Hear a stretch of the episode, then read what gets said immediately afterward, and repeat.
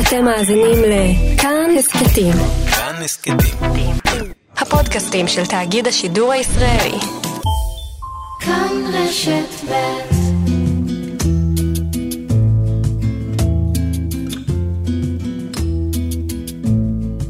שלום דוקטור ענת מילמן, קרדיולוגית, רופאת ספורט, המרכז הרפואי תל השומר. בוקר טוב. מה שמעיד על הנושא שנדבר עליו בשעה הקרובה, שהוא נושא ענק, אני די סגורה על זה שלא נצליח להקיף את כולו, אבל בכל זאת ניגע בו קצת. הלב, קווים לדמותו, אנטומית, דברים ששווה לדעת בבסיס. אוקיי, אז uh, כל אחד בתחום שלו ברפואה, תמיד אומרים שכשאומרים שזה, נגיד אם אתה רופא מוח, אז המוח זה הכי חשוב, אם אתה uh, אורתופד, אז העצמות הכי חשובות, אז במקרה שלנו, שאנחנו רופאי לב, אז באמת הלב הוא הכי חשוב. יותר מהמוח. Um, אנחנו יש תמיד בוויכוח. תמידי, אבל אני חושבת שכן. כי בלעדיו בעצם שום דבר אחר לא יעבוד, והבריאות שלו מאוד מאוד חשובה. אז uh, קווים לדמותו הוא מאוד פשוט, הוא מאוד חכם, אבל הוא מאוד פשוט. הוא מורכב מארבעה חללים, שתי עליות ושתי חדרים, ויש לו איזשהו מקצב פנימי משל עצמו, חשמל משל עצמו, שגורם להתכווצות שלו ויודע להזרים את הדם בשתי מערכות בגוף, אחת לא מחומצנת ואחת מחומצנת, אה, וככה בעצם לספק לנו חיים. גודל, נהוג לומר שזה כאגרוף כף היד שלך. ככה אני מספרת לילדים, אבל יכול להיות שאני מטעה אותם. לא, כך, כך נהוג לומר. כל אדם כפי גודל אגרופו, ידו הקפוצה? בריא, כן. כמובן בלב בריא, כן. כך נהוג לומר. כלומר, אה, האגרוף גדל לאורך השנים, זה ככה גם הלב גדל אמת? לאורך השנים. Mhm, אמת. יש בזה איזשהו משהו הגיוני, או שזאת פשוט דוגמה טובה להמחשה? דוגמה טובה אין להמחשה. קשר באמת בין לא, אגרוף לא, אה, לא, לא, ללב. לא, לא. אוקיי. אני נוהגת לומר, אבל קראתי שאני ממש מטעה, שהלב נמצא בצד שמאל, וקראתי שהוא בעצם נמצא באמצע. יש לו נטייה בחלק התחתון שלו לכיוון שמאל, אבל הוא לא בצד שמאל של הגוף. הוא יותר נוטה לצד שמאל, מכיוון שיש לו, זאת אומרת, זה תלת מימד. אז בוא נאמר שאם הוא היה, התחיל במרכז, ואז הוא מסתובב יותר לכיוון השמאלי. אז ככה שבעצם הציר שלו הולך מימין לכיוון שמאל. החוד שלו נמצא בצד שמאל יותר, אבל הוא מתחיל יותר מהמרכז. והוא הסתובב לו ככה לכיוון צד שמאל, בגלל אנטומיה של כל מיני איברים שנמצאים בגוף. מבחינת המבנה, עוד נגיע להבדלים בין גבר לאישה בהיבטים אחרים. מבחינת המבנה, הגודל, יש הבדל בין לב של גבר ללב של אישה, מבחינת אה, מספר פעימות לב, קצב אה, זרימת הדם. אז לא, מהבחינה הזאת לא. באופן כללי, הלב מזרים כחמש ליטר בדקה בכולנו, אה, אבל כן, כמו שהאגרוף של אה, גבר מעט יותר גדול משל אישה, אז הלב של גבר יכול להיות יותר גדול משל אישה, אבל זה לא מצביע משהו על התפקוד שלו. כמה פעימות בשעה, כמה פעימות כל צריך החיים. לעשות, צריך לעשות חישוב, את יודעת, אם זה בממוצע, בממוצע. 60 פעימות אה, בדקה. זה התקין. כן, זה התקין, אז צריך להכפיל את זה כפול 60, לקבל בשעה, אה, וכך הלאה וכך הלאה, אבל כמה פעימות in a lifetime?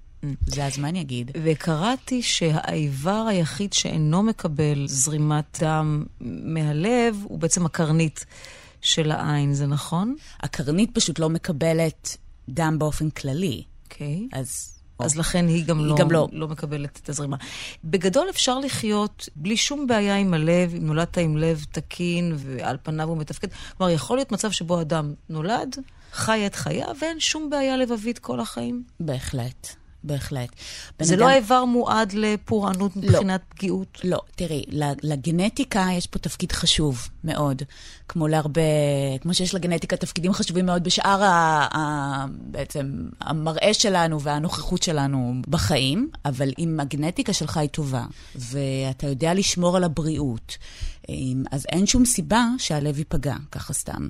איפה כן הגנטיקה משפיעה מבחינת אה, היוולדות עם מומים? לא, דווקא במחלות לב איסכמיות, אה, במה שנקרא התקפי לב בשפת העם, אז דווקא פה, זאת אומרת, אם יש לך איזשהו אה, אה, קרוב משפחה מדרגה ראשונה, כגון אה, אבא. אבא, אימא, אה, שחוו התקף לב בגיל צעיר יחסית, שפה אנחנו מדברים על גילאים צעירים, אז זה תלוי, בנשים זה מתחת ל-60, גברים מתחת ל-55-50, אז הגנטיקה משחקת תפקיד. אה, קיים סיכוי גבוה שגם לך תהיה את הטרשת עורקים בגיל צעיר. כמה, מה הסיכוי אומר? אה, זה משתנה. אה, אני לא יודעת להגיד לך את המספר המדויק של, ה, סיכון כלומר, per lifetime. אם אחד משני הוריי, לצורך השיחה, ולא רק לצורך השיחה, אבא אוקיי. okay. היה חולה לב, הסיכוי שלי תהיה בעיה לבבית או אפתח משהו בדומה לדברים שהיו לו, הוא קיים והוא לא מבוטל. תלוי מה. אם הוא היה חולה לב, זאת אומרת, עם טרשת עורקים שגרמה לאיזושהי חסימה בעורקי הלב, אוקיי? שהובילה להתקף לב בגיל צעיר, אז קיים סיכוי כזה. אז אני לא יודעת מה היה להביך, אבל אם זה הסצנריו, אז כן, אז קיים סיכוי יותר מוגבר. אצל נשים באופן כללי, מחלת הלב מתבטאת בגילאים מבוגרים יותר, בגלל שיש לנו הגנה של האסטרוגן. אז האסטרוגן בעצם מגן עלינו, ולכן אנחנו, אה, מחלות הלב בנשים, לא שהן לא קיימות, הן פשוט מתפתחות בשלבים מאוחר יותר. מאוחרות יותר. אני רוצה עוד לייחד לנו פרק לנשים, אבל עוד קודם, בשלב המחלות, כן. ולאו דווקא בהיבט הגנטי, תעשי לנו טיפה סדר. מה בין התקף לב לדום לב? אוקיי, זאת הבדלה מאוד חשובה. התקף לב זה בעצם, אה, אנחנו ככה, שוב, זה מילים שאנחנו מדברים עליהם, שזה מילים של אה, שפת העם, כן? זה לא המילים שאנחנו משתמשים בינינו במינוחים... אה, חלילה, כי אחרת אנחנו נתקשה לה- כן, להבין, כן. אבל, אז- אבל אז משתמשים בעצם בשני את- מונחים באופן נכון, די רווח, אז נכון. מה ההבדל ביניהם? אז התקף לב, לרוב מדברים על איזושהי מחלה שהיא טרשת עורקים, שזה איזושהי מחלה, מחלה חסימתית בעורקי הלב, שגורמים באיזשהו שלב לחסימה מוחלטת של עורק, ואז אה, אין אספקת דם לאזור מסוים בשריר הלב, ויש התקף לב. זה ה, מה שהאנשים חווים כ...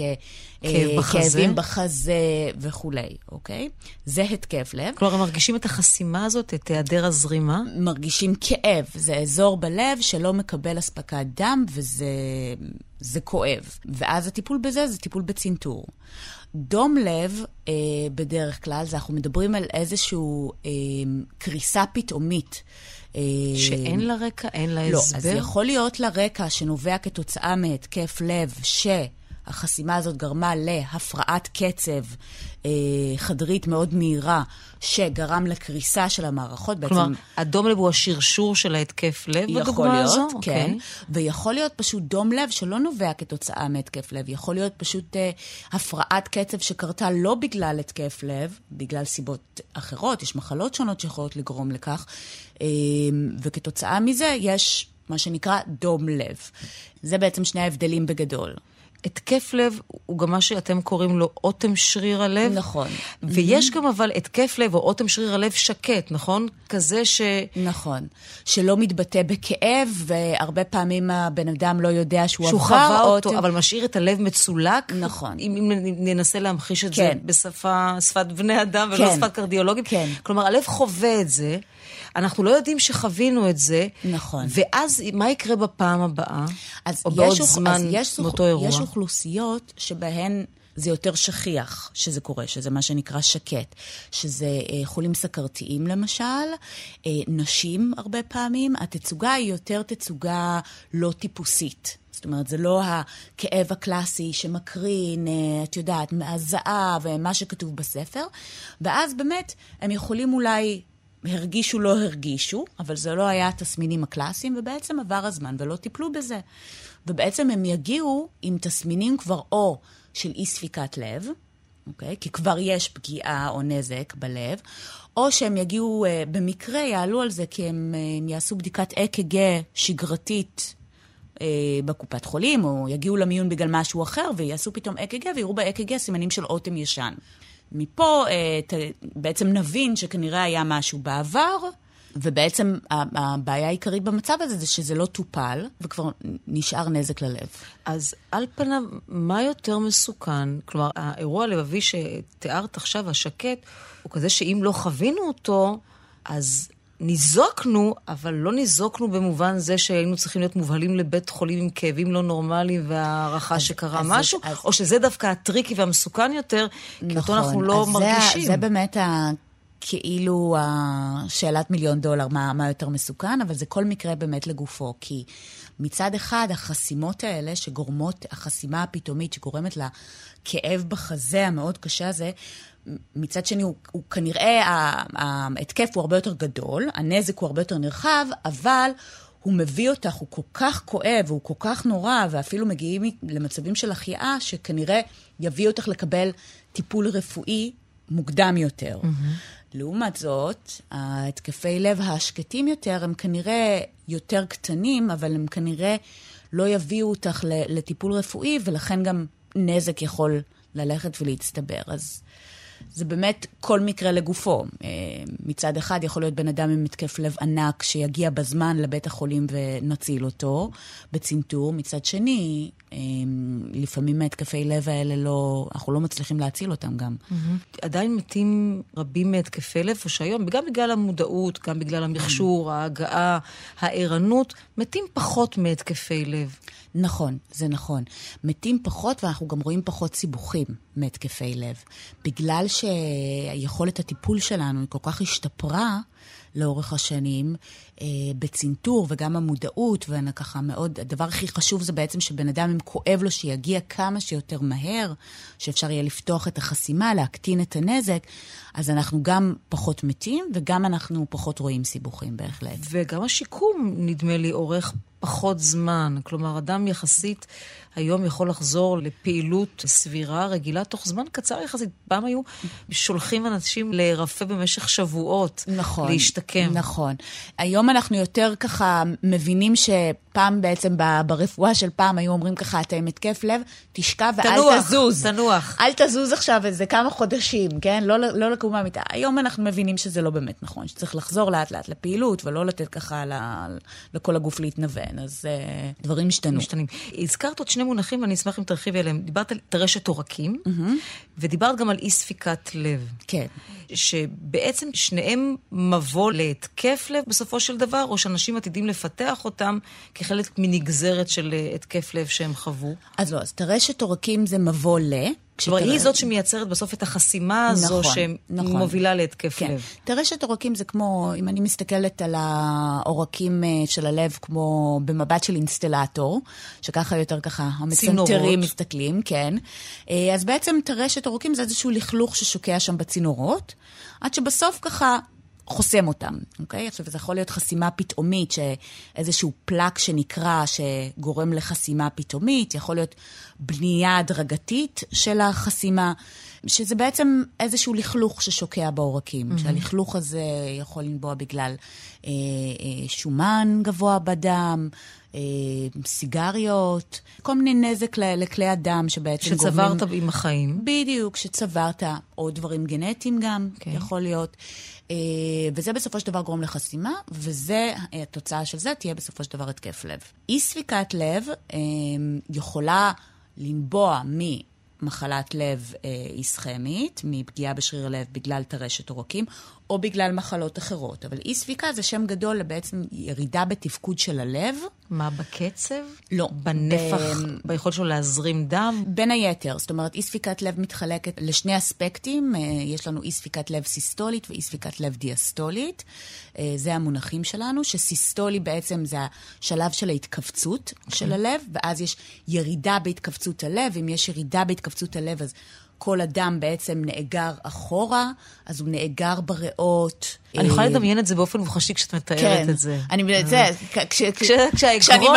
כשהאגרוף לא קמוץ מספיק, זה כן. אומר שיש בעיה בהתכווצות של הלב. בדיוק. כן. ומצד שני, אה, אי ספיקת לב דיאסטולית, שהיא קצת פחות, אה, לא מובנת לנו, אבל היא קצת פחות, אה, הטיפולים שיש לנו אליה הם קצת פחות טובים. כי אם פה, כמו שאמרנו, השריר לא מתכווץ, אז ננסה לטפל בכל מיני תרופות שיגרמו לו להתכווץ בצורה מיטבית, mm-hmm. אז הפרעת לב דיאסטולית היא דווקא הפרעה ברלקסציה של שריר הלב. בהרפאיה אוקיי? שלו? בהרפאיה, אוקיי. כן, בדיוק. ואז גם מכך נובעות כל מיני בעיות כמו הצטברות דם במקומות שונים מאשר כשזה לא דוחף, אבל פה יש לנו קצת יותר בעיה בלטפל, כי קצת פחות אנחנו מבינים את המנגנון, ואיך לזה. לתת משהו שיגרום להרפאיה יותר טובה של שריר הלב. עוד שני מונחים, אני יודעת שזה ממש על קצה המזלג, אבל בכל זאת, בגלל שהמונחים האלה כל הזמן באוויר, אני חושבת ששווה להבין אותם. הפרעות בקצב הלב. זה כבר יותר התחום שלי. אוקיי, זה נובע ממה? הפרעות בקצב הלב יכולות לנבוע מכמה דברים. אה, ההפרעות בקצב הלב מתחלקות אצלנו להפרעות קצב אה, אה, עלייתיות והפרעות קצב חדריות. זאת אומרת, מן הסתם חדריות הן יותר, הן המסוכנות יותר, אוקיי? זה הדברים שאנחנו מפחדים מהם, והמנגנונים שלהם הם שונים לגמרי. אה, כדי להבין הפרעות קצב צריך אולי אה, להבין אה, בעצם איך עובד המנגנון החשמלי של הלב. בעצם ללב יש, הוא, הוא לא תלוי בשום דבר ב, כדי לפעום. זאת אומרת, יש לו מערכת אוטונומית משל עצמו. יש לו מעין קוצב לב פנימי משלו, שיודע לתת פעימות, לגרום ללב להתכווץ כל הזמן, והוא מושפע מדברים אחרים מסביב בגוף. זאת אומרת, אם את פתאום עכשיו יוצאת לרוץ, אז... זה, מקבל ככה, הקוצב לב הפנימי מקבל אינפורמציה שהוא צריך להעלות את, ה, את הקצב, הוא יודע לעשות את זה. אם את הולכת לישון, אז הוא מקבל אינפורמציה אחרת, אבל הקיצוב נמצא כל הזמן. אבל הוא כן יכול להשתנות. בהתאם ב... לפעילות הגופנית ב... שלי. ובהתאם למצב, כן. כן. מחלה, בהתאם כן. להכל. אבל הוא בעצם פועם כל הזמן. הוא לא יפסיק בעצם לעולם, אלא אם כן יש איזושהי בעיה. אז בעיות שיכולות להיות פה, זה בעיות שבעצם הקוצב הפנימי שלנו לא עובד כמו שצריך, וזה בעצם הפרעות קצב שיגרמו להפרעות קצב, מה שנקרא ברדיקרדיות, אה, אה, שקצב הלב יהיה מאוד מאוד מאוד איטי, אה, ובמצבים כאלה אנחנו הרבה פעמים נצטרך להשתיל קוצב לב, אוקיי? כדי לעזור. זה משהו שמרגישים? כן. כלומר, זה... אדם ירגיש שהלב שלו פועם באיטיות? אדם ירגיש... אה, קצב... בקיצוני הוא יתעלף. אוקיי. Okay. אוקיי? Okay? וב, ובפחות קיצוני, אז הוא, הוא פשוט uh, ירגיש יותר עייפות, שהוא לא מצליח לעשות מאמצים. פתאום הליכה לסופר היא קשה יותר. אז זה יותר הפרעות קצב של אה, הפרעות קצב איטיות, זה נקרא ברדיקרדיות. הטכיקרדיות, כמו שאמרתי, מתחלקות להפרעות קצב עלייתיות וחדריות, mm-hmm. לכל אחת מהן יש אטיולוגיה משלה. אה, הטיפול בהם הוא שונה וגם הסיכון שלהם הוא שונה. אה, אבל בכל מקרה, פה אנשים ירגישו שפתאום הלב דוהר על 200. אה, ככה, זאת אומרת, לשבת, ופתאום מרגישים את הפעימות הלב, כן, המאוד מאוד חזקות. אה, ופה יש באמת הבחנות אה, מאוד נרחבות. יותר מתחום הרגש, הפעימות המוטרפות, או שזה רק עניין פיזיולוגי? לא, זה עניין פיזיולוגי. לגמרי. כן, כן. אבל הרבה... כלומר, אדם שיושב ליד מבחן שהוא נורא נורא נורא נורא נורא לחוץ אז זה מה מפניו. שיש את המערכת שמפעילה, שאומרת, עכשיו אני בלחץ, וזה מעלה את הדופק. Okay. כן. אמ, וזהו, ובהפרעות הקצב בעצם אנחנו יכולים, אה, לא נראה לי שיש לנו מספיק זמן שאני אפרט ואסביר בדיוק מה, איך עובדת כל הפרעת קצב, ש... אבל... כן. שאין בעיה גם לווסת את העסק הזה בגדול. כן, יש לנו, גם, אנחנו מאוד מתקדמים היום, אנחנו ברוב הפרעות הקצב, אנחנו מצליחים לטפל אה, על ידי אבלציה, שזה צריבה. אה, זה גם בצנתור, כמו בצנתור, אנחנו בעצם נכנסים, יודעים לזהות אה, את המערכת החשמלית של הלב, אנחנו יודעים למפות, אה, אנחנו יודעים לזהות מאיפה הפרעת הקצב מגיעה, mm-hmm. ואנחנו יודעים לצרוב אותה. זה כמו מעגל חשמלי. שיש בו, אני מתארת את זה תמיד כמו איזה מעגל חשמלי, שאם אנחנו נבוא ונחתוך אותו, אז אנחנו נפסיק את הייצור הזה של הפרעת הקצב. אז צריבה בעצם יוצרת מעין צלקת. ובעצם מצמצמת. מפריעה, מפריעה למעגל החשמלי. זאת אומרת, אם את צריכה okay. אוקיי. מעגל חשמלי שיסתובב כל הזמן, את באה ובעצם גורמת לאיזושהי צלקת, שבעצם לא מאפשרת את מעבר החשמל הזה, אה, וככה את מפסיקה את הפרעת הקצב. אז מהבחינה הזאת, אז גם אנחנו מאוד מתקדמים מהבחינה הזאת. היום זה המונח שנקרא פעימה מוקדמת כן. קשור לעניין הפרעות הקצב? יכול להיות קשור, כי זה, פעימה מוקדמת זה משהו שיש לכולנו בכמות מאוד מסוימת. גם יש פעימה מוקדמת חדרית או פעימה מוקדמת עלייתית. כולנו סובלים מזה במרכאות כמובן, כן? חלקנו יותר רגישים ואז אנחנו מרגישים את זה, אבל יש מצבים שבה כולנו מחסירים פעימה, מה שנקרא. Mm-hmm. אז זה לא באמת אנחנו מחסירים פעימה, זה בעצם יש עוד פעימה שגורמת לאיזושהי פאוזה, אנחנו לא מרגישים את העוד פעימה, אנחנו מרגישים את הפאוזה פאוזה. הקטנה הזאת שנוצרה. במינון מאוד גבוה, זה כבר לא תקין, ואז אנחנו הרבה פעמים מטפלים בזה, כי יש לזה השלכות. אם גם בן אדם מרגיש את זה, וזה מאוד סימפטומטי, לא? אם זה, אם זה חוזר. כן, אם זה, אם זה בכמות מאוד כן. גדולה. אם mm-hmm. זה כל הזמן, על כל פעימה שנייה יש לו פעימה מוקדמת, הוא ירגיש את זה, יהיה לו מאוד לא נוח. וגם עד מצב שזה יכול ממש לפגוע בתפקוד של הלב, ואז אנחנו גם צריכים לטפל בזה. ככלל, יהיה נכון לומר שיש כללים של עשה ואל תעשה. הם נכונים באופן כללי לבריאות, אבל הם קל וחומר נכונים בתחום הלב. שאם תעשה אותם, הסיכוי שלך ללקוט באירועי לב, נקרא לזה ככה, יפחת באופן משמעותי. דיברת על עישון, mm-hmm. שתייה. עד שתיית אלכוהול, לא, לא שתיית מים. ספורט ששווה לעשות, אוכל שלא יהיה שומני מדי, ישתדל להיות בריא. כל זה יבטיח שהמכונה הזו, שאת מציגה אותה כמכונה אוטונומית, תעבוד באופן טוב יחסית והרבה שנים, אם אין בעיות מולדות גנטיות. בגדול, כן. בגדול, אה, שמירה על הבריאות באופן כללי שומרת לנו על, על הלב, אה, אה, כמו גם על שאר מערכות הגוף. אז כן. אז כן, אבל אז תמיד יבוא החוכמולוג התורן ויגיד, סליחה, מה? אני בן 70, בחיים לא היה לי שום דבר עם הלב, שום בעיה. אני אוכל, אני מעשן, אני לא עושה שלי ספורט. קלאסי. אבא שלי, זה, בואי, שזה אגב מעניין, אה, אגב המקצוע שלך. בואי, מה את עכשיו זה? אה, ו- ותראי את זה, בן 40, עושה כושר כמו מטורף, לא מעשן, לא זה שותה. הגנטיקה, לא אגב. זה. תראי, פה נכנסת הגנטיקה. שבדיוק ההוא בן ה-40 ששמר כל החיים, לא עישן, אכל בריא, ספורטאי, אבל הוא, מה לעשות, אה, אבא שלו עבר התקף לב בגיל אה, 45, והסבא שלו עבר התקף לב בגיל 46. לא תראי דוגמאות של בלי גנטיקה שאפשר גם... שקרה להם באופן כן. אה, נדיר. תמיד אנחנו נמצא איזשהו גורם סיכון. אוקיי. תמיד אנחנו נמצא איזשהו גורם סיכון. כמעט תמיד, זאת אומרת, אין, אין, אין 100% ברפואה. אבל את כאילו. אומרת, בדרך כלל זה ככה, נכון? יכול לקרות שאדם שלא... יכול להיות, אבל גם ראיתי לצרה. כאלה. ראיתי גם כאלה שאת חופרת, חופרת, את לא מוצאת שום גורם סיכון, ו... והנה, וקרה לו. בכל זאת. והוא מתחיל את השרשרת המשפחתית הזאת כנראה, אז... אה, זה יהיה נכון לומר שבסך הכל, הלב היום הוא דבר, בעיות לב, שאפשר לחיות איתו. בהחלט. את אמרת בעצמך שהתמותה מהתקפי לב יורדת. עכשיו, זו לא המלצה לשאננות, אבל בסך הכל זה דבר שאפשר לטפל בו. כדורים, וצנתורים, וצריבה של מעגלים חשמליים. כלומר, זה דברים שאפשר לסדר ולחיות איתם. בהחלט. זאת אומרת, החיות היום השתלות. נכון, החיות היום ממחלות לב היא... זאת אומרת, אה, אריכות החיים היא הרבה יותר ארוכה, כמובן, ממה שהיה פעם, בהחלט. אה, זה לא שאני מעודדת עכשיו, אה, כן, אה, לכו ותחגגו ו- ותעשו מה שאתם רוצים, כי נטפל לכם בבעיות הלב, ממש לא. הדרך הראשונה זה מניעה, כן? חייבים למנוע מחלות לב, למנוע את גורמי הסיכון. זה הדרך הכי טובה לחיים טובים וארוכים, כן? אבל אם קרה וכך לא שפר עליך מזלך ואין מה לעשות, שמרת וגנטיקה פגעה בך, מה שנקרא, אנחנו נדע לטפל בזה ונעזור לך לחיות את החיים הכי טובים שלך. זה האיבר שבו בדרך כלל יש קשר מובהק בין uh, הרגש, במובן של uh, לחוץ, לא לחוץ, שמח או טוב לך, לבין דברים שתראי מיד בלב. כלומר, בגדול, בהכללה, אדם נינוח, אדם נכון. רגוע, אדם שמח, או לגמרי. שמח בחלקו, הלב שלו גם יתפקד ככה.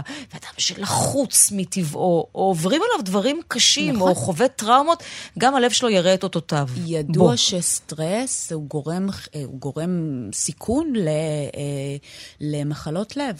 זה ידוע. סטרס נפשי, הרבה פעמים גם התקפי הלב מתרחשים כשאנחנו מתעצבנים, או שקיים אה, איזשהו סטרס נפשי. יש גם אה, אה, מחלה שנקראת טקצובו. שהיא בעצם, אה, אה, זה נקרא broken heart syndrome. סינדרום הלב, תסמונת הלב השבור. תסמונת הלב השבור. כן, שהיא נקראת ככה בגלל שאיזשהו יפני, אה, ככה מצא אותה יותר בנשים שחוו איזשהו שיוורון לב. אז בעצם גילו עם השנים שזה כתוצאה מאיזשהו... סטרס אה, מאוד חריף שעובר על הבן אדם, כתוצאה מזה, זה יש איזושהי פגיעה בתפקוד ללב? של הלב. יש פגיעה, זה, זה לגמרי הפיך, כן? בטיפול וכולי, אבל... או למצוא אהבה חדשה, כן. זה אפשרי. ואת אומרת, זה בהחלט הגיוני, לצורך העניין, בעיקר נשים. זה אישה בעיקר בנשים. חוותה אהבה נכזבת, כן. לקחה את זה מאוד קשה. מרגישה את התעוקה הזו עד כן. כדי כך, יש דבר כזה תעוקת לב? או כן, שזה רק- כמובן, אוקיי, כמובן. אוקיי. מרגישה את זה עד כדי כך שהיא תחווה את זה כתסמונת הלב השבור. כן, וזה ממש מחכה התקף לב, מבחינת התסמינים, מבחינת איך שזה נראה. מה תראי. בגרף? ב-EKG אוקיי. זה ממש, זה מחכה התקף לב. זאת אומרת, אין לנו דרך, כשאנחנו רואים את זה, אין לנו דרך לפי ה-EKG לרוב להבדיל, אז אנחנו באופן... אה, אה, אוטומטי נלך לצנתור, כי ההוכחה בסופו של דבר תהיה שהעורקים הם תקינים, אבל יש את השינויים האלה ב-EKG, ובדרך כלל אנחנו נזריק קצת חומר ניגוד לחדר, או שנעשה אקו. לא תשאלי ונראה- אותך, חווית משהו רגשי? אה, כן, אבל, אבל בגלל שאמרנו שסטרס אה, אה, חריף הוא גורם סיכון להתקף לב, אז את לא יכולה לדעת אם זה אה, גרם להתקף לב או לתסמונת הלב השבור. אה, ובעצם בהתקף לב אנחנו יכולים לטפל, אנחנו צריכים לפתוח ישר את החסימה. בתקצו בו, העורקים הם תקינים, אז הטיפול הוא רק טיפול תומך על ידי טיפול תרופתי. אבל אם יש חסימה, אנחנו חייבים קודם כל לטפל בה, ולכן אנחנו ישר נלך לצנתור, אה, בגלל שההבחנה מבדלת. להתערבות הכירורגית. להתערבות... אה, הכירורגית. אמרת שנשים תכוונה את זה בגילאים יותר מאוחרים. כן. כי מה? בגלל שיש לנו אה, אה, הגנה של האסטרוגן, האסטרוגן מגן, מגן אה, מפני אה, טרשת, מגן, מגן מפני מחלה לבבית. אז מה, אז בגיל המעבר בעצם יש פחות הגנה של האסטרוגן? בגיל ואז- המעבר בעצם, בדיוק, אז יש פחות, ואז uh, מתרחשים רוב התקפי לב, לעומת גברים, שזה נגיד הגיל השכיח זה באזור גילאי ה-50. אז אישה אז זה יהיה בדרך כלל ב- 60 צפונה, 70? כן, כן, 60 צפונה, 60 בדרך כלל עשור אחרי הגברים. ואז מומלץ לו לקחת דברים שהם יהיו בבחינת השלמה לאסטרוגן שלא. שמדלדל? לא? לא, כי אז זה שמת- יוצר בעיות אחרות? בדיוק. כי אז ברגע שלוקחים אה, אסטרוגן, אז אה, אה, ראו שיש עלייה במקרים של סרטן השד. ולהפך, אם חלילה יש לך סרטן שד בגיל אה, צעיר יותר, mm-hmm. אז אה, נותנים תרופות שהן אנטי-אסטרוגניות, יש יותר מחלות לב בגיל צעיר יותר. זה נכון שאצל, זה איזון. נכון שאצל נשים התסמינים יהיו אחרים, לא בהכרח כאב בחזה, לפעמים חולשה בכתפיים בזמן התקף לב, לפעמים תחושה של בחילה כללית, משהו לא טוב ועובר עליי ואני לא יודעת לנסח מה, לא בהכרח מין זץ בחזה שיבהיל לבית חולים. אז, אז כמו שאמרתי בהתחלה, באמת יש אה, אה, קבוצות מסוימות של אנשים שחווים את התקף הלב בצורה פחות אה, קלאסית, בצורה לא טיפוסית, שזה חולי סכרת, אנשים מבוגרים מאוד, ונשים. גם נשים חוות את זה מעט אחרת, אין לזה שהם תסמינים יותר קלאסיים, הן פשוט חוות פחות את הכאב. פשוט פחות. אני חושבת שזה סתם בגלל שנשים יודעות אה, להתמודד ככה... יותר טוב. להתמודד יותר אבל טוב זה, עם זה עניין כאב. אבל- tricky, משום שגם עם נשים, וזה ידוע במחקרים, תחוונה כאב, יש גם את הנטייה הזאת של נשים לא להיראות כהיסטריות, כ... או פחדניות או לחוצות mm-hmm. מדי, והן לא תבהלנה את עצמן לבית חולים או לבדיקה מהר כמו שגבר יעשה את זה, ואז אם היא חווה דבר כזה שהוא לא בהכרח עם הסימנים המובהקים של התקף, יכול להיות שהיא מפספסת. נכון, אני גם חושבת פשוט שלנשים יש סף כאב יותר uh, גבוה. ולכן מה שגבר יבין אולי מיד, שזה... נכון, אישה לא מיד תיקח את זה. את יודעת, אומרים שזה רק אישה שילדה בלי אפידורל תדע מה זה גבר עם שפעת. אז או פחות מזה, או קורונה. אז כאילו, כן. אז כאילו, אז, אז בהחלט, אז uh, עד שהיא תלך לטיפול, או היא תסחוב את זה כנראה יותר. זה יותר זמן. אבל את אומרת, בסופו של דבר, גם נשים מבחינת הפגיעות תגנה לסטטיסטיקה כזו שגברים חווים, אבל בגילאים יותר פשוט מאוחרים. מתרחש עשור אחר כך. יותר מאוחרים. יש משפטים שנהוג לומר אה, על הלב, אבל תגידי לנו אם זה פייק אוקיי. ניוז או לא. קודם כל, אחד כבר אמר, באופן כללי אתה יותר רגוע, הסיכוי שלך לחיות עם לב סבבה הוא יותר טוב.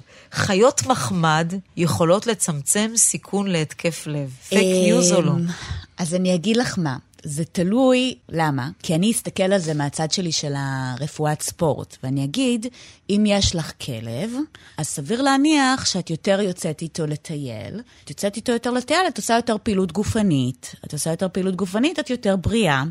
אז זה תלוי. אבל אם יש לך... אה, היום יש לי כלב והוא אם משמח לך- אותי. אם יש לך ו- צב בבית, והוא לא ממש... אז, אז לא, אז לא נראה לי אז, שיש אז אין לזה קשר. קשר. שוקולד? תאכלו שוקולד מריר. על הלב. אה, קקאו יכול להעלות אולי את אה, רמות ה-HDL, שזה הכולסטרול הטוב, אבל כוס יין ביום, בהחלט מצוינת. לא רק למצב רוח. לא, ואולי לא כל יום. לא? אין קשר בין שתיית לא, יין יש. אדום ל... יין ל- אדום, בהחלט, זה מעלה את הכולסטרול הטוב. שאנחנו רוצים. זאת אומרת, כן. כן, כן, גם אנשים כן. שעברו אירוע לבבי, גם, אבל שוב, לא הייתי שותה אולי כל יום כוס יין אדום, אבל לשתות כוס יין... ואת אומרת, יש, יש הוכחה שזה. יותר מ-55 שעות עבודה בשבוע, אם זה נכון, זה את בקבוצת אז אני סיכון. בקבוצת סיכון. אה, יכול לתרום לבעיות בלב. אני לא יודעת, אבל בטוח זה איזשהו מחקר שמסתירים מאיתנו הרופאים.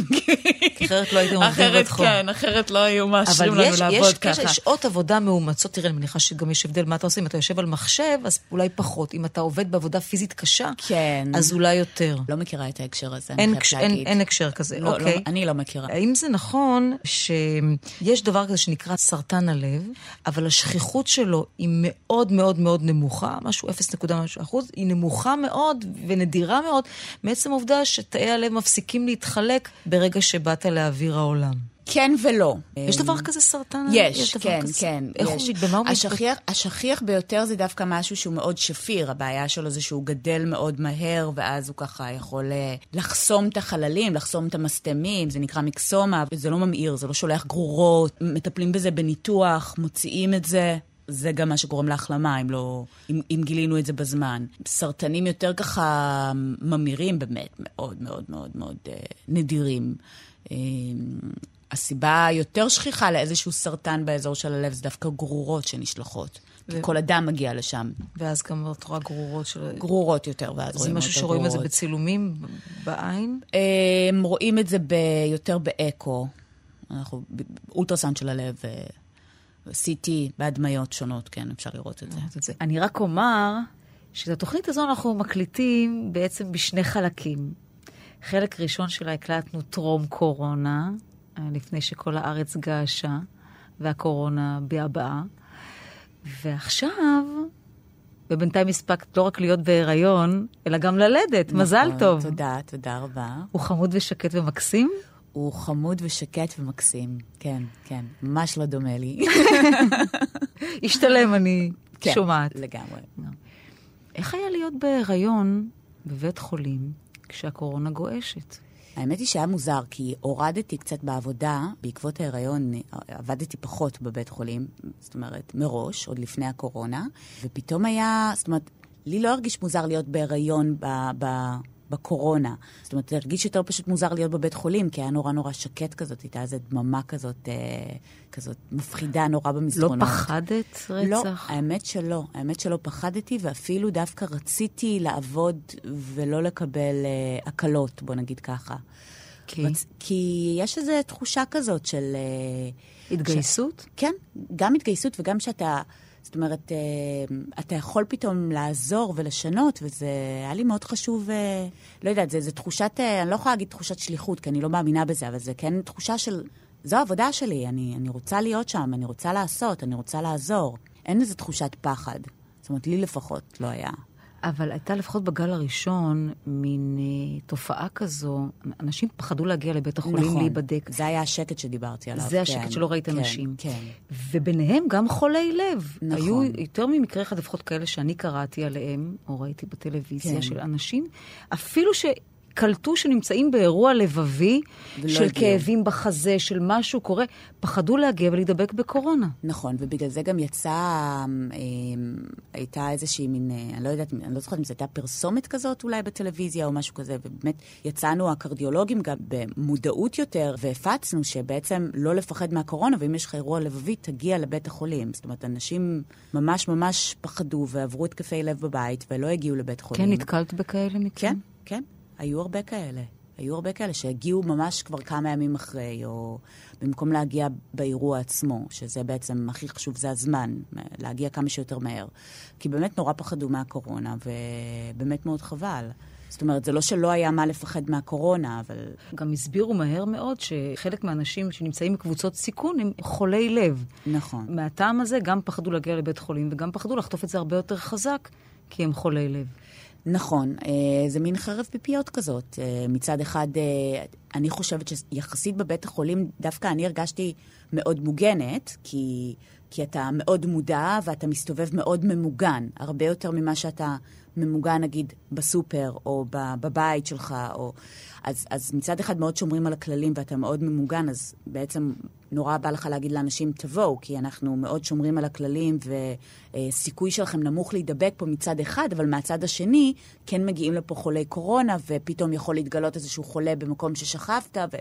אז זאת אומרת, אה, חרב פיפיות כזאת. מה יודעים היום לומר על מה שעושה נגיף הקורונה ללב? אנחנו יודעים שיש פגיעה. נכון, יש פגיעה. בעצם אה, יצאו לאורך כל התקופה הזאת של הקורונה, כמה חודשים, יצאו כמה שיותר מהר אה, מחקרים בעניין. אה, היום, מה שכן אנחנו יודעים, מתוך באמת המחקרים ומתוך ניסיון אישי של דברים שאנחנו ראינו בעבודה, זה שיש איזושהי פגיעה בשריר הלב, זה בעצם דלקת בשריר הלב. אנחנו יודעים שכל... הרבה מאוד וירוסים יודעים לעשות פגיעה משפעת רגילה, יכולה להיווצר לך מה שנקרא מיוקרדיטיס, mm-hmm. שזה בעצם דלקת של שריר הלב. אנחנו עוד לא לגמרי יודעים מה המנגנון שבה הקורונה גורמת לזה, יש מנגנונים שונים שיכולים להתרחש, ובעצם כשיש את הפגיעה הזאת בשריר הלב, אז המניפסטציה של זה יכולה להתבטא בכמה דברים. יכולה או לדמות התקף לב, אוקיי? או בעצם ממש לעשות פגיעת נזק נרחב בשריר הלב, לגרום לאי ספיקת לב. יש הרבה מאוד uh, מניפסטציות. הפרעות בקצב? כן, גם, okay. אוקיי. גם יכול לעשות. ברגע שהתפקוד הלבבי יורד, אז זה יכול לעשות גם הפרעות קצב. זה לא ישירות מהקורונה, אלא זה כתוצאה מהפגיעה. אז בעצם ראינו את התופעה הזאת, ובאמת נמצא איזשהו קשר, שהחולים היותר קשים זה אלה שבאמת נפגע להם שריר הלב. זה פגיעה אחת. נפגע להם בזמן הקורונה? כלומר, מעצם כ... הפגיעה בקורונה, או שמלכתחילה היו חולי לא, לב, לא, ולכן לא. הפגיעה יותר קשה? כתוצאה מ... כתוצאה okay. אוקיי. מ... כמובן שמי שהיה לו לפני זה אה, תפקוד ירוד של הלב, והוא חלה בקורונה והקורונה עוד פגעה לו בלב, אז כמובן שזה... עשה אסקלציה הרבה כמובן, יותר גדולה. כמובן, כמובן. וראו בילדים את התופעה שאחרי שמחלימים כבר, אה, בעצם מווירוס הקורונה, אז ראו שיש איזושהי פגיעה בכלי הדם של הלב, ודיברו על זה, אבל שוב, זה לא ברור עדיין אם זה, רואים את זה יותר, אם זה מקרים אנקדוטליים כאלה, זאת אומרת, אני, אני לא בטוחה שיש עדיין, אני פחות של ילדים, אבל אני לא בטוחה שיש עדיין... יצא איזשהו מחקר כזה רחב, היו מספיק מקרים uh, של ילדים כדי להגיד זה באמת היה קשור לקורונה, או שזה צירוף מקרים מאוד מוזר כזה. והפגיעה הלבבית, היא נמצאת שם כדי להישאר בסופו של דבר? תלוי, אז זה תלוי. באופן כללי, במיוקרדיטיס, כשיש דלקת בשריר הלב שנובעת מכל וירוס שהוא, נאמר, לא, לאו דווקא מהקורונה, בעצם הדברים החשובים זה לזהות את זה כמה שיותר מהר, לאשפז כמובן את הבן אדם, לתת לו תרופות שיכולות אולי לתמוך בהתאוששות של שריר הלב, כי בסופו של דבר, כשהחלק האקוטי של המחלה בעצם חולף, אז אנחנו כן מצפים שתהיה איזושהי התאוששות. שוב, באנשים צעירים אנחנו רואים יותר התאוששות, ובאנשים מבוגרים פחות. וכשיש נזק מאוד קשה בשריר הלב, אז חשוב מאוד לזהות את זה כמה שיותר מהר ולחבר למכשיר לב ריאה, כמו האקמו. שזה באמת היה אחד הדברים שהחולי קורונה הקשים היו מחוברים אליהם. Mm-hmm. זה בעצם נותן אפשרות לשריר הלב להתאושש מהדלקת, וככה שאין עליו עומס, ואז ככה להחלים. אה, הרבה פעמים אנחנו רואים חבר'ה צעירים מחלימים יותר. מאשר החבר'ה היותר מבוגרים, שזה כמו מה שראו בעצם בקורונה, אבל מצד שני, גם הרבה פעמים לא מחלימים. אז זה מאוד מאוד uh, תלוי ומשתנה. בחבר'ה הצעירים, לפחות בקורונה, ראו שזה כן מתאושש. ולא נשאר איזשהו נזק אה, שארי כזה. לא צלקות, לא... ב... לא, לא, לא, זה לא עושה צלקות. זה או שתפקוד הלב מתאושש, או שהוא נשאר פגוע, ואז כבר זה באמת אה, נוצרת לאט לאט צלקת וכולי. אבל דווקא בחברה הצעירים, אני חושבת שברובם ראינו החלמה. במידה והחלימו, כמובן. מותר לשאול בת כמה את? אני אגיד למאזינות ולמאזינים שאת מאוד צעירה, אה, בטח במראה.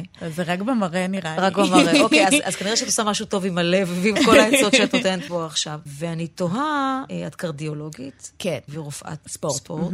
איך מגיעים לתחום הזה של רפואת לב? כלומר, מה בתחום הזה מושך אותך מספיק בשביל להגיד, זה מה שאני רוצה לעשות, אם היה דבר כזה שבמקרה נותבת כן. לשם? אז אני בת 41. כמו שאמרתי.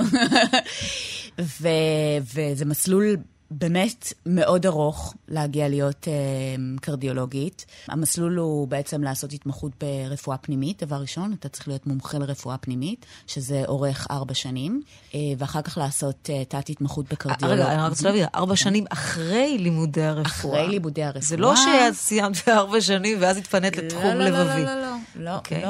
אחרי uh, שבע שנים של uh, רפואה, שהשנה האחרונה זה סטאז', אני עוד באמצע עשיתי PhD, אז הארכתי את זה לעשר שנים. אה, אתה התחלת ללמוד בגיל עשר?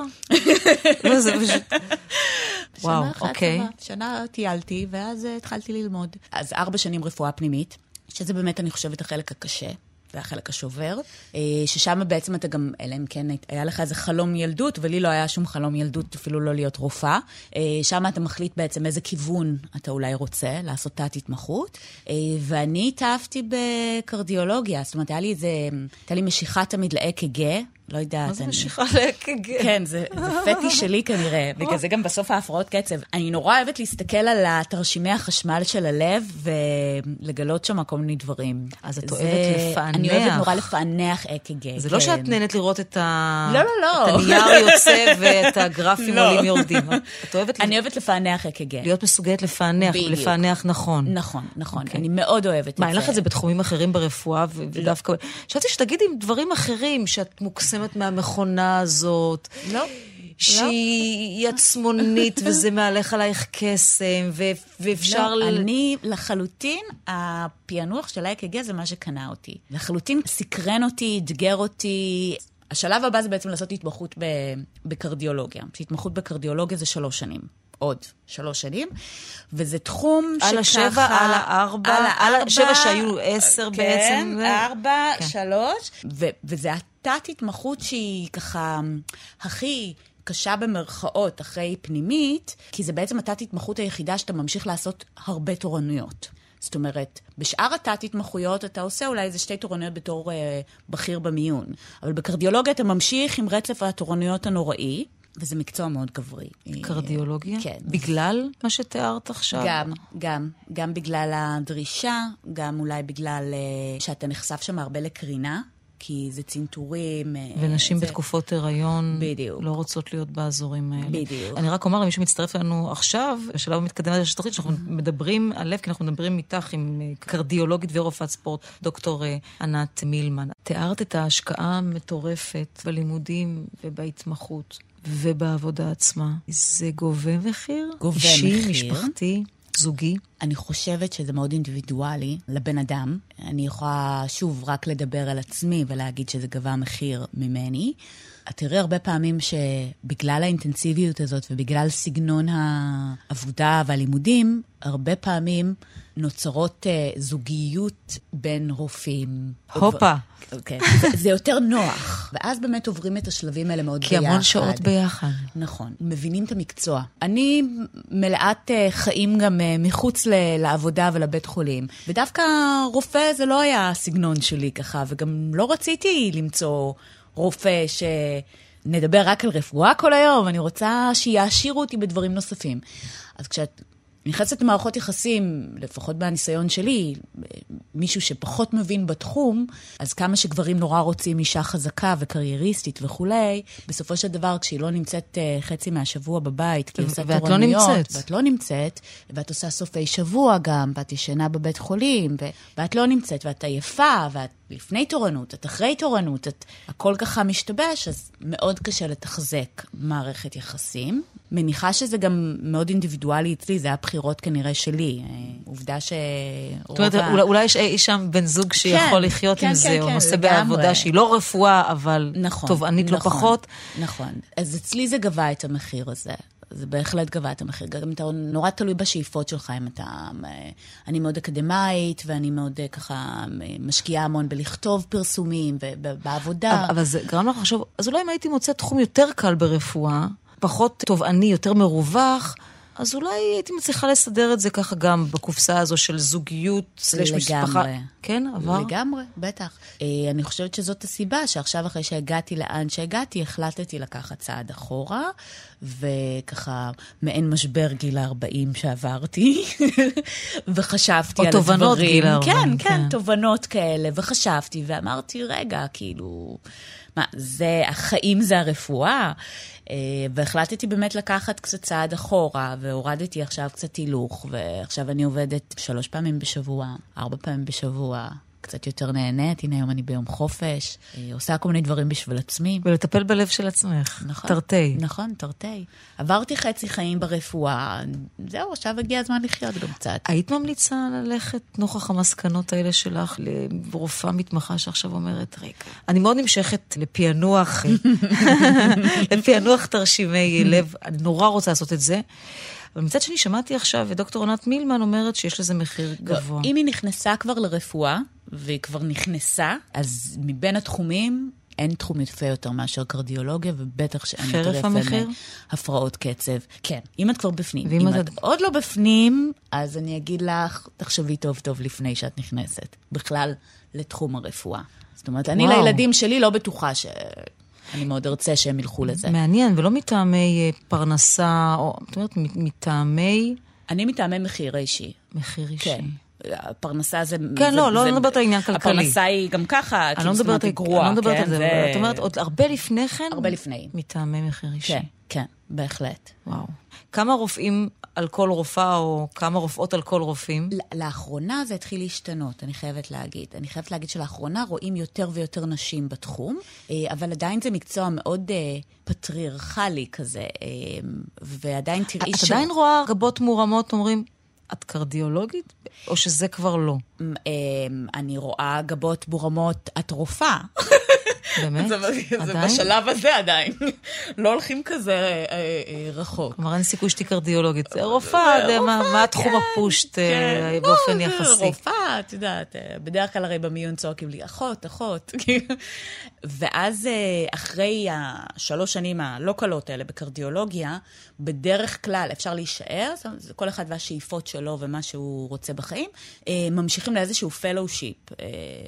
אז אני, בדרך כלל נוסעים לחו"ל, ואני ככה לא כל כך רציתי לנסוע לחו"ל אה, אה, מסיבות אה, ככה משפחתיות שלי, ואז באמת עברתי לבית חולים שיבא תל השומר, ועשיתי שם את ה fellowship שלי בהפרעות קצב, באלקטרופיזיולוגיה, שזה באמת ההתמקצעות יותר ב...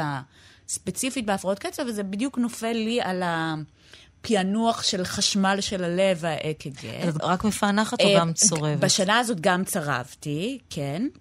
אני באופן עקרוני אה, יותר מתעניינת בקליניקל אלקטרופיזיולוגי. אה, יש לי תחום מאוד מאוד מאוד ספציפי, שהוא גם החיבור שלי לספורט, שזה בעצם אה, אה, מוות פתאומי. אה, אני מתעסקת יותר במוות פתאומי באנשים צעירים ומניעה של זה, בתחום שנקרא קרדיוגנטיקה. זה הרבה מאוד אה, אה, מחלות גנטיות שאנשים לא מודעים אליהן, שנולדים איתן, שגורמות למוות פתאומי בגיל צעיר. זאת המרפאה שלי, והקשר לספורט, שלמדתי במקביל גם שלוש שנים רפואת ספורט, זה בשביל להביא איזשהו תחום חדש לארץ שנקרא ספורטס קרדיולוגי. בעצם מניעה של מוות פתאומי יותר בספורטאים. יש כל מיני שינויים שמתרחשים בלב של ספורטאי, ספורטאי עילית, אני מתכוונת, אה, שמסכנים אותם בהפרעות קצב מצד אחד, ומצד שני, יש הרבה מאוד מחלות גנטיות שאולי לא ידעו עליהן, אבל שהן דווקא מתבטאות יותר בפעילות גופנית עצימה, שמסכנת אותם במוות פתאומי. זה כל המקרים האלה שפתאום אנחנו שומעים בחדשות. שבו על ספורטאי פתאום קורס, קורס, ולא מבינים מאיפה בדיוק. זה בא. אז- ואת אז אומרת- אצלי זה- זה מעניין, הקשר כי את אומרת שלי בעצם. שאם ספורטאי בתחילת הדרך יעשה את המיפוי הזה, וינסה להבין את את הסיכונים... הבדיקות זה- סקר, בהחלט. אז- אז זה מה שאנחנו לא, עושים. לא את אלה שממילא הוא נעשה כי הוא מחויב לחתום על בריאות תקינה בטופס, לא, לא, לא, אלא אנחנו, לבוא לנו- במרפאה לצורך העניין ולעשות את הבדיקה בהחלט. המקיפה, הוא יכול למנוע אירוע שחלילה חד. אחריו עלול להיגרם לו נזק חד בלתי הפיך. משמעית, ואצלנו בארץ יש את חוק הספורט, ובחוק הספורט בעצם בארץ כל ספורטאי שהוא ספורטאי רשום ב, אה, באיגוד, בליגה, מחויב בעצם לעשות בדיקה שנתית.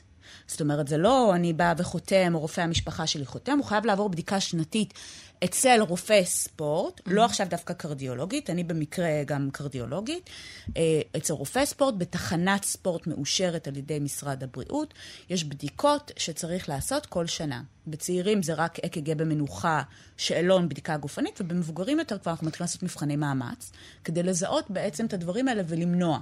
אני, אני מודה שהפתעת אותי עם הסיבה למה. אני חושבת שתגידי, אני רוצה להציל חיים, אני רוצה...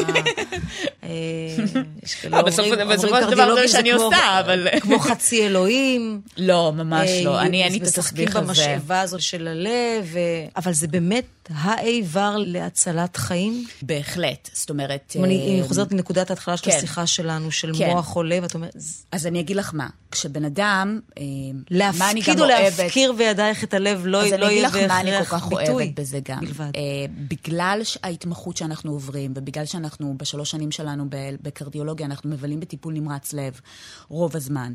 אה, והחיים שלנו הם, זאת אומרת, בין החייאה להחייאה, ובין פעולות כאילו הירואיות כאלה שאנחנו עושים. אז אני מסיימת את ההתמחות הזאת, אני מרגישה מאוד בנוח עם החייאה. וזה נראה לי הדבר הכי יפה והכי חשוב בעצם. ולכן אני חושבת שאת הלב אני אצליח להציל גם ברחוב. אם חלילה מישהו יקרוס ברחוב, אני אדע מה לעשות ואני ארגיש עם זה מאוד בנוח. אבל זה מעיד משהו על תכונות האופי של הקרדיולוגים, איזו יציבות נפשית, או אולי פיז, עניין פיזיולוגי, יש להם ידיים יציבות, ולכן הם יכולים לעשות את הדברים האלה ואחרים לא. אני לא יודעת, אני לא יודעת אם זה אופי מלכתחילה, או שזה משהו שאתה מפתח עם הזמן? על עצמי אני יכולה להגיד שזה אולי אופי שלי מלכתחילה, אף פעם לא הייתי, לא נלחצתי ממצבים כאלה, תמיד הייתי מאוד רגועה, מאוד מפוקסת, דווקא מצבים של לחץ גורמים לי להיות מפוקסת יותר. אז אני לא יודעת איך זה לגבי אנשים אחרים, אני יכולה רק להעיד על עצמי. בעיסוק הזה, בלב, אצלך את אומרת, זה אולי הופך אותך ליותר ממוקדת, אבל בסופו של דבר, כשאנשים מתעסקים באירועים כאלה, בנושא כזה, זה הופך אותם ליותר שקטים ובוטחים, כי הם יודעים מה לעשות עם זה, או שאת יודעת מה הסיכונים בתחום הזה, ולכן זה הופך אותך ליותר אה, דרוכה. אני חושבת שאני יותר יודעת מה לעשות עם זה. זאת אומרת, אני חושבת שזה, שזה בעיקר מה ש... מרגיע, כאילו. מטריד אותך אה, האפשרות שפעם תחווי אירוע לבבי? לא, אבל זה, זה הסנדלר הולך יחף, זה באופן כללי. הבנתי. אוקיי, זה באופן כללי, אז לא. אה, לא מטריד אותי כזה דבר. מעולם לא עברה לי מחשבה את כזאת. את נוהגת על פי הכללים שלך בתוכנית? כן, כן. כן. כלומר, כן. כן. זה לא שסנדלר הולך יחף במובן זה שאת לא, מתפרעת, לא, לא, לא, זאת אומרת, לא. גם אני כזו נוהגת לא, את זה. לא, גם אני כזו. אני ספורטיבית, חשוב לי הבריאות, הכושר, התזונה הנכונה. אז זאת אומרת, במקרה הזה אני נוהגת כך. חשבת פעם על הסמל הלב, על ייצוג האיבר בציורים? Mm-hmm. בטח. אומרים, במובן זה שהוא ייצוג נאמן, גם נכון. של הרגשות וגם של האיבר. שאם מסתכלים על האיבר, בסוף הוא נראה כמו שתי טפיחות כאלה, או שתי רמות, ולמטה החיבור בין. החדרים. השפיץ הזה, mm-hmm. ולכן זה ייצוג נאמן של האיבר? כן. כן, כן. זה, אני חושבת שציור של לב ככה, כמו שאנחנו נוהגים לצייר, הוא אבסטרקט אה, לא רע בכלל של אה, מבנה הלב, כשמסתכלים עליו. ואת יודעת מה היה המקור של הייצוג? כלומר, האם זאת באמת הייתה הכוונה? כלומר, בסופו של דבר מישהו צייר אותו כי ככה נראה הלב? אני חושבת שכן. אני כי חושבת... קראתי המון דברים ש... שלא בהכרח קשורים, כמו למשל, שאולי יש לזה מין צביון מיני של חזה של אישה, של אה, פלחי הכוז, ולכן זה נראה ככה, ואז אתה מלביש לזה גם את התשוקה ואת הרגש ואת הצבע האדום, ונהיה לך ייצוג רגשי. אז איך, אז איך נסביר את הדמיון, כאילו שיש, זאת אומרת, אם אני אראה לך עכשיו איך הלב נראה באמת, את תראי את הדמיון של, של הציור הזה, של הלב. אז... איך נסביר את הקשר הזה, אם ככה? אז את אומרת איזה ייצוג נאמן של הדברים. אני חושבת שכן. אני חושבת שזה ייצוג מופשט אה, חמוד מאוד, כן. אם, אם תצטרכי אה, לסיים את השיחה בינינו בהמלצה טובה, לבעלי לב חלש, לא התאפקתי, אבל לא רק, המלצה טובה תהיה מה? המלצה טובה, אני חושבת שתהיה לעשות פעילות גופנית. לעסוק בפעילות גופנית. מי שרוצה, זאת אומרת, פעילות גופנית יש לה את היתרונות שלה לא רק על הלב, באופן כללי, על הבריאות ועל מצב הרוח שלנו. אה, ואני חושבת שכל עיסוק בפעילות גופנית, לא משנה מה, תורם, ו... וזה יהיה הטיפ הכי טוב שלי לחיים יותר טובים, ארוכים ובריאים יותר. דוקטור ענת מילמן, אני מאוד מודה לך. תודה מכל רבה. הלב. תודה רבה. נודה מכל הלב, כן, גם לעורכת אליה גנה ולטכנאים ראובן מן ודימה קרנצוב. ותודה לכם שהייתם איתנו. שבת שלום.